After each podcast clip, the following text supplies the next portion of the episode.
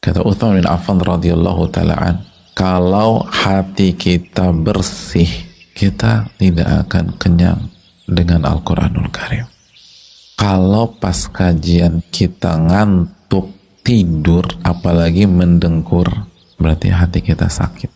Kalau kita lapar tuh, jam 2 malam nggak bisa tidur kita.